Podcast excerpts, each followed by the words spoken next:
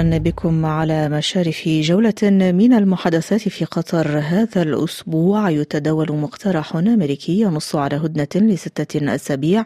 لستة أسابيع يتخلله الإفراج المتبادل عن أسرى من الجانبين الإسرائيلي والفلسطيني. هناك تفاؤل إسرائيلي في هذا الإطار يقابله أصداء من قيادي حماس بأن التفاؤل لا يعبر عن الحقيقة. اليوم سنناقش هذا الملف ونسأل بموازاة هذه الأجواء هل سيفضي هذا المقترح الأمريكي إلى ترجمة عملية على أرض الواقع؟ وهل الهدنة المؤقتة هذه لو حصلت قد تقضي أو تفضي عفوا إلى وقف دائم لإطلاق النار؟ نستضيف في نقاش مونتي كارلو الدولية الخبير في العلاقات الدولية والمحلل السياسي أستاذ طارق البراديسي ودكتور خطار أبو دياب المستشار السياسي لإذاعة مونتي كارلو الدولية. أهلا وسهلا. أبدأ معك أستاذ طارق البراديسي. اليوم هناك تفاؤل إسرائيلي حول نتائج اجتماع باريس ولكن هذا التفاؤل لا تعبر عنه حماس. اليوم كيف تفهم هذه المواقف في ظل الحديث عن مقترح لهدنة محتملة في قطاع غزة؟ تحياتي لحضرتك ولكل المتابعين. يعني في تصوري إنه يفهم في ضوء الآتي إن كان هناك هذه الحرب الطاحنة وذلك العدوان الغاشم السافر على المدنيين العزل في غزة فايضا هناك هذه هذا ذلك الاعتداء وهذا وهذه الحرب الشعواء الدبلوماسية ذلك أنهم يريدون يعني هذه المكاسب ويريدون أن يجردوا حماس من أهم أوراقها الاستراتيجية.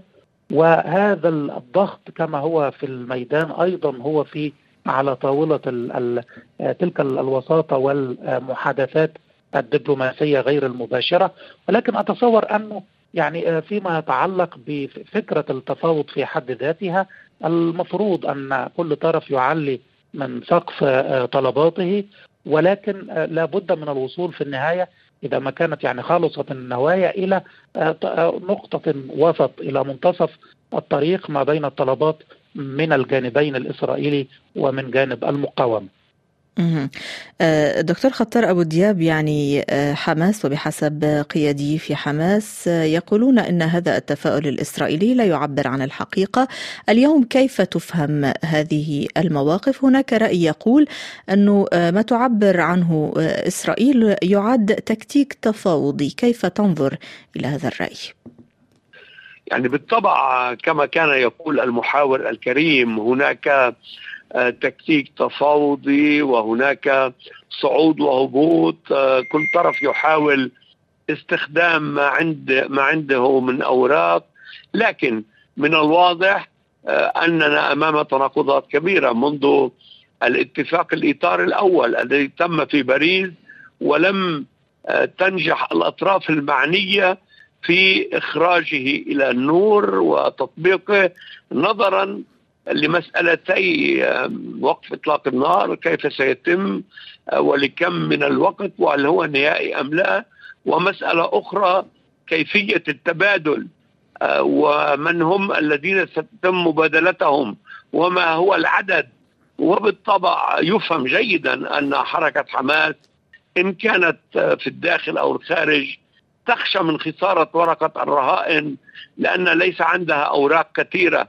ويعتقد أن الذين يعتبرون أن لهم تاثيرا على حماس أي مصر وقطر ربما بعض المرات يعتقدون أن بإمكانهم تليين حركة حماس، الجانب الإسرائيلي ذهب بعيدا في المزايدة يحاول إحراج حركة حماس ويحاول أن يبين أن الخلل يأتي من عدم قبول حماس للصفقه، المسألة هي في الشروط والشروط المضادة بين الطرفين وبالطبع هناك ضغط من الرأي العام الإسرائيلي يلعب دوره والأهم من كل ذلك ضغط أمريكي على كل الأطراف من أجل هدنة تصل إلى نهاية شهر رمضان الكريم.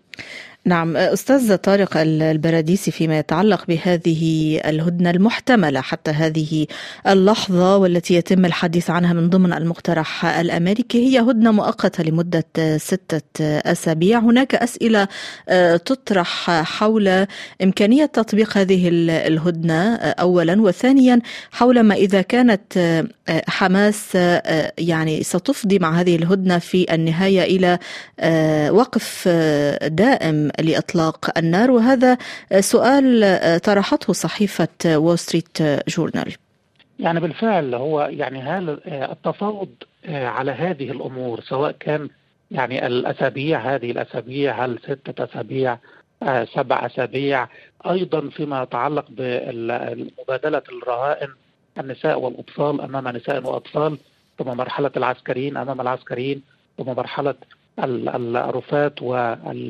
والجثث يعني كل هذه الأمور وكل هذه التفصيلات وكل تلك الطلبات من جانب الجانبين وعدم التفوق على نقطة وسط ما بين الطلبات والرغبات الحمسوية أو الرغبات التساؤل المقاومة وما بين الإسرائيليين بتفضي إلى عنوان كبير هو التفاوض ما بين القوة والضعف ما بين قوة الإسرائيلي وضعف يعني العزل وضعف يعني في, النهاية حماس أمام إسرائيل والولايات المتحدة. في النهاية يعني هذه القوة الإسرائيلية في يعتريها الضعف ضعف ضعف القوة الإسرائيلية الأمريكية. أمام قوة الضعف الحمساوية أو المقاومة. فأتصور أنه يعني ما معنى يعني ضعف قوة حماس أمام أو أو قوة ضعف حماس أمام ضعف قوة إسرائيل. معناها أن حماس ليس أمامها يعني ليس لديها كثيرا ما تخسره. يعني بعد حتى وإن توصلوا إلى هدنة مدتها ستة أسابيع. طب ستستأنف العمليات بعد ذلك. إذا ماذا عساها أن يعني تستفيد حماس وجماعات وفصائل المقاومة؟ إذا أتصور أنه يعني هذا يعني هذا الضغط الكبير وهذه قوة الأوراق وقوة الضغط من الجانب الإسرائيلي والأمريكي تدفع فصائل المقاومة إلى مزيد من التشبث إلى مزيد من الصلابة لأن ليس لديهم ما يخسرون. إذا سيقاومون حتى النهاية. إذا لابد من إعطائهم فسحة إعطائهم مكنة حتى يعني يقبلوا ويتم تحسين شروط التفاوض في صالح المقاومة الفلسطينية وفي القلب منها حماس. نعم دكتور خطر أبو دياب تحديدا حول موقف حماس هل فعلا حماس اليوم متشبثة برأيها؟ نعلم أن حماس كانت مصرة على وقف دائم لإطلاق النار وهذا كان شرط أساسي بالنسبة لها. هل تراجعت حماس عن هذا المطلب أو أن حماس تقول أن هذه الهدنة يمكن أن تكون مقدمة لمرحلة مقبلة تتخلل هذه المرحلة وقف كامل لإطلاق النار؟ يعني المسألة هي ميزان قوى حركة حماس منذ البداية اعتقدت أن ورقة الرهائن بحد ذاتها يمكن أن تمنع إسرائيل من قيام من تنفيذ الحرب البرية وكان ذلك خطأ. نظرا لأن إسرائيل خسرت منذ اليوم الأول ما خسرته وأصبح بالنسبة لها هذا لا يعد سببا لكي تقبل التراجع وبالنسبة للإسرائيلي الأهداف الخيالية في القضاء أو تقليص حركة حماس. وإطلاق سراح الرهائن لم يتيسر لذلك نحن أمام مأزق للطرفين مأزق كبير ويترجم الآن في السعي لهذا التفاوض الصعب أيضا. ومن دون شك حماس تريد ضمانات لأنها تخشى مثلا إذا تم تنفيذ المرحلة الأولى من عملية إطلاق سراح الرائن أي النساء المدنيين البالغين والرف وبعض الرفات والجثث. ماذا يضمن لها؟ أن أن يتم وقف إطلاق النار كما تعد واشنطن. بمعنى أو بآخر يعني هل يكون ذلك تمهيدا أو نوع من التسويف لكي تستأنف العمليات العسكرية في شهر إبريل؟ في مطلق الأحوال لا ضمانات برأيي لأحد. كل طرف عنده سقف عالي و يعني إذا تمكنت الأطراف المعنية من انتزاع هذه الهدنة لمدة ستة أسابيع يكون هذا أفضل الممكن ومع الأسف من المنتظر أن تستأنف العمليات بعد ذلك في نيسان إبريل القادم. نعم أستاذ طارق البراديسي كيف تفهم كل هذه المعطيات ولا تزال بحسب الحديث في إسرائيل خطة يتحدث عنها نتنياهو لا تزال قائمة. يعني بالفعل يعني هذه الخطة التي أشرت إليها خطة نتنياهو هي بتجعل إنه يعني في هذه الشكوك من جانب حماس من جانب جماعات المقاومة. ذلك أن إسرائيل ماضية في هذا المخطط وإنه لا ضمانات في النهاية ولا يمكن الوثوق في الجانب الإسرائيلي ولا تستطيع يعني ولا مصر ولا قطر أن تضمن إسرائيل. ذلك أنها يعني بتنكث وعودها كما تعودنا من هذه الدولة الإسرائيلية. أيضا يعني فيما يتعلق بالتهديد دائما بهذه الورقة الأخيرة باقتحام رفح. أتصور إنه يعني الجانب الحمساوي وفصائل المقاومة هذا هو الملاذ الأخير والنقطة والبقعة الأخيرة لهم في في غزة. وأتصور إنه يعني هذا يعني هذا هذا المخطط الإجرامي الإسرائيلي وذلك التطرف. ولا نستطيع أن نتحدث عن تطرف بعينه ذلك أنهم يمثلون يعني الشعب الإسرائيلي ويمثلون هذه الدولة وأن التطرف هو يعني هي الإرادة الإسرائيلية الموجودة في الكنيست والموجودة في الحكومة في في نهاية المطاف.